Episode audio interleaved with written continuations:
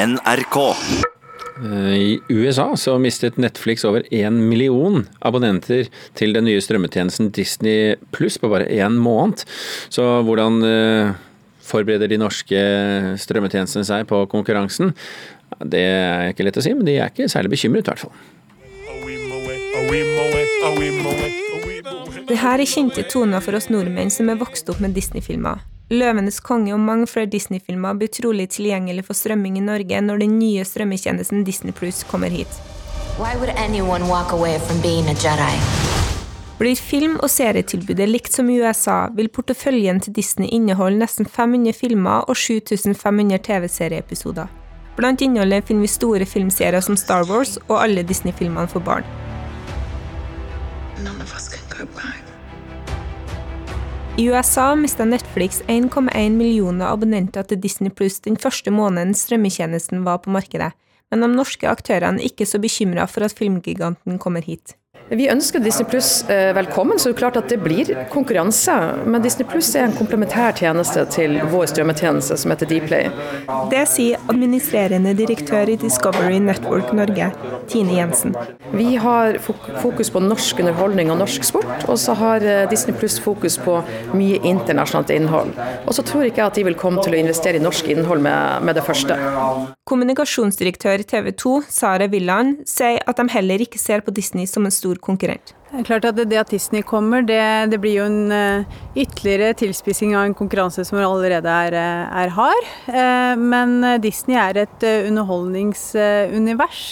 Et bra sådan. Men vi er en totalleverandør av både norsk innhold til hele familien innenfor sport, innenfor aktualitet, nyheter og underholdning. Eh, Så skjerpet konkurranse, men vi ser nok ikke at det er en direkte konkurrent til innholdet vi tilbyr. Vilde Skanke Sunde er forsker ved Institutt for media og kommunikasjon ved Universitetet i Oslo, og for tida er hun del av forskningsprosjektet Stream. På spørsmål om hvilken strømmetjeneste som kommer til å ta flest abonnenter til Disney, så svarer hun det her. Jeg tror Disney kommer til å påvirke det norske strømmemarkedet, men det er vel mange som spår at konkurransen kommer til å bli særlig hard mellom Netflix og Disney, for det er de som på mange måter tilbyr det samme innholdet. Begge har brede porteføljer med serier og innhold for familien på stort sett amerikansk, mens de norske strømaktørene har jo mye mer lokalt og norskt innhold, så de konkurrerer litt annerledes. I dag så har den førsteplassen på abonnementstjenestene har Netflix hatt den, og så har gjerne nummer to-kanalen vært f.eks. TV2 Sumo, Sumo, Viaplay eller Dplay eller HBO. Og det er klart Når Disney kommer inn og skal konkurrere, så er det jo førsteplassen de vil ha. De vil ut, prøve å utkonkurrere Netflix i det markedet, tror jeg. Og Disney de ønsker ikke å kommentere denne saken, og NRK har heller ikke lykkes i å få en kommentar fra Netflix. Men det var eh, i hvert fall reporter Runa Leinan som hadde laget denne saken.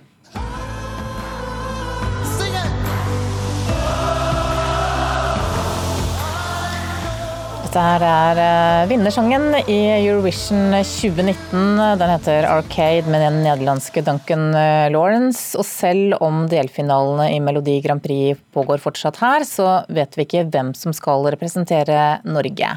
Men eh, nå er det den spennende trekningen for den internasjonale finalen som er gjort. Og hvordan gikk det?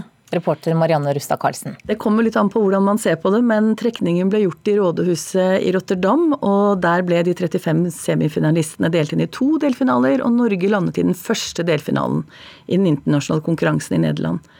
Den første puljen skal fremføre melodiene sine 12. mai i Rotterdam.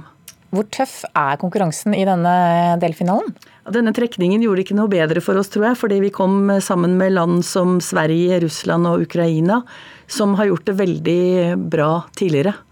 Er det en fordel eller er det en ulempe å være med i den første semifinalen? Det eksisterer en slags sånn uformell statistikk på det, hvor man sier at det er en fordel å være i den andre delfinalen, men det er vel så viktig hvem vi kommer til å møte og konkurrere med. Mm. Og Hvis vi da skulle være så heldige eller flinke å gå til finalen og kanskje til og med vinne den, så kan Norge rett og slett feire helt inn i 17. mai. Ja, for finalen går av stabelen 16. mai i Rotterdam Ahoy. Men det gjenstår jo også å se om Norge er med i den finalen. Og først og fremst så må vi jo komme fram til hvilken sang vi skal sende. Og den norske finalen den er 15. februar. Okay. Takk skal du ha, Marianne Rustad Karlsen. Skal snakke om språk nå. Det er ikke alltid så lett å forstå hva som står i et skriftlig vedtak fra Nav, eller hva som står i et referat fra et møte hos eh, Nav. Nå vil Nav i Kristiansand, landets største Nav-kontor med 270 ansatte, at brukerne skal forstå dem bedre. Eh, hensiktsmessig. Eh, og òg bare det bruke økonomi. Hvorfor skriver vi det? Hvorfor skriver vi ikke bare penger? For det er jo det det handler om. Veileder Miriam Sørvik Arnesen i ungdomsavdelinga i Nav vet godt hvilke ord som ikke fungerer. Òg f.eks. ordet behov. Det er jo egentlig veldig sånn litt sånn fremmedgjørende at du har behov for praksis, ikke sant. Men heller at du ønsker eh, mer erfaring i jobb for å få en bedre sjanse til å få en lønna jobb. Hver og en må gjøre en innsats. Er det noen her som er veldig flinke med i forhold til? Ja. Hun svarte ja. Ja, og Hva gjør du med det? Nei, jeg må slutte med det. Ja, Man må bite seg litt tung fordi at det... Men nå skal Miriam og de 270 Nav-medarbeiderne i Kristiansand bli forstått bedre. Eva Bekkelund Eriksen hjelper dem på veien. Det, det er jo bare babbel som kommer ut av tuten.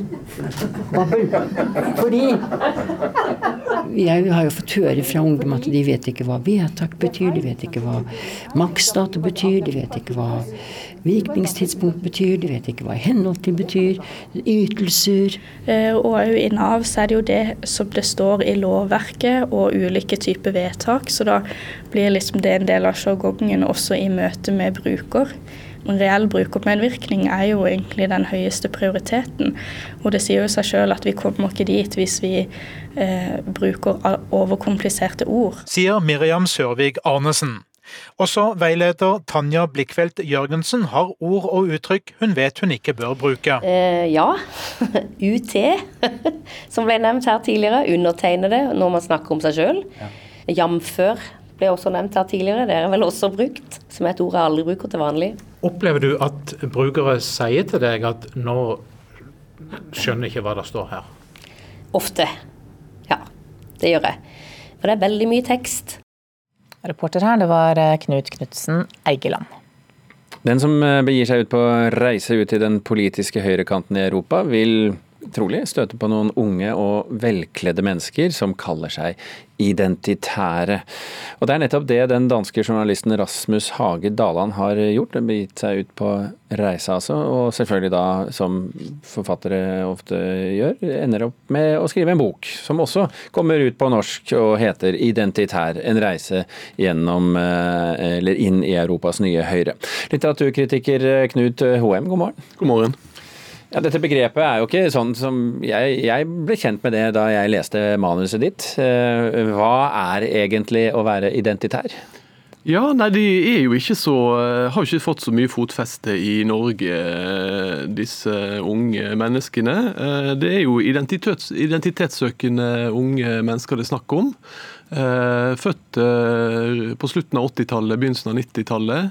Ehm, de søker eh, å finne en europeisk eh, nasjonal eh, identitet.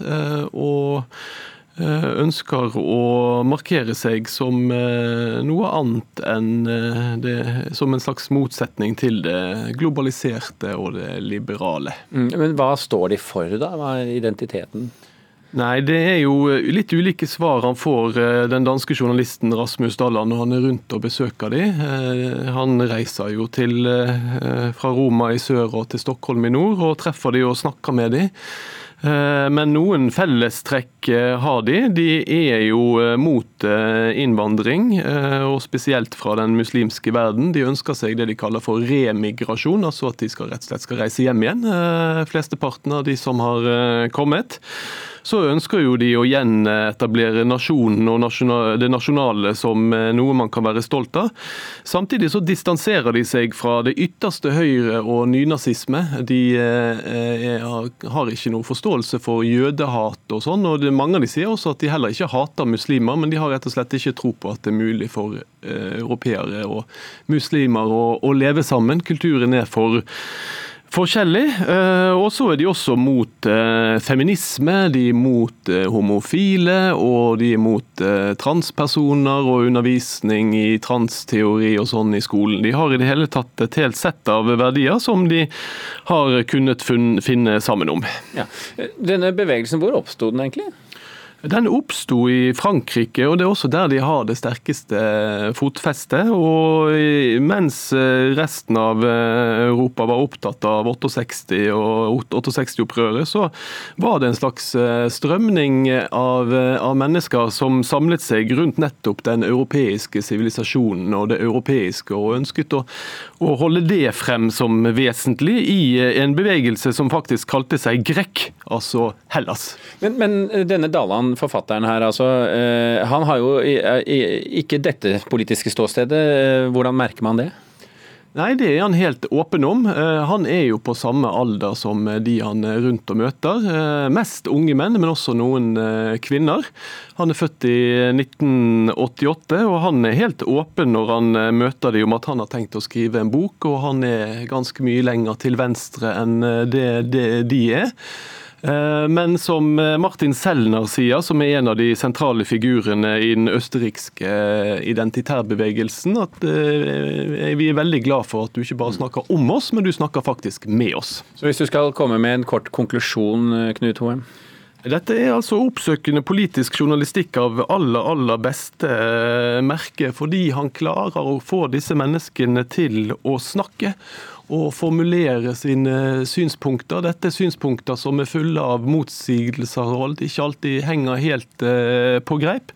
Men samlet sett så har vi fått et veldig interessant eh, bilde av denne bevegelsen som ikke er, i stand til, ikke er blitt så mange at de kommer til å ta over verden, de heller. Ikke med det første, i hvert fall. Boken heter altså 'Identitær en reise inn i Europas nye Høyre', skrevet av Rasmus Haga, eh, Hage Daland. Oversatt til norsk av Erik Ringen.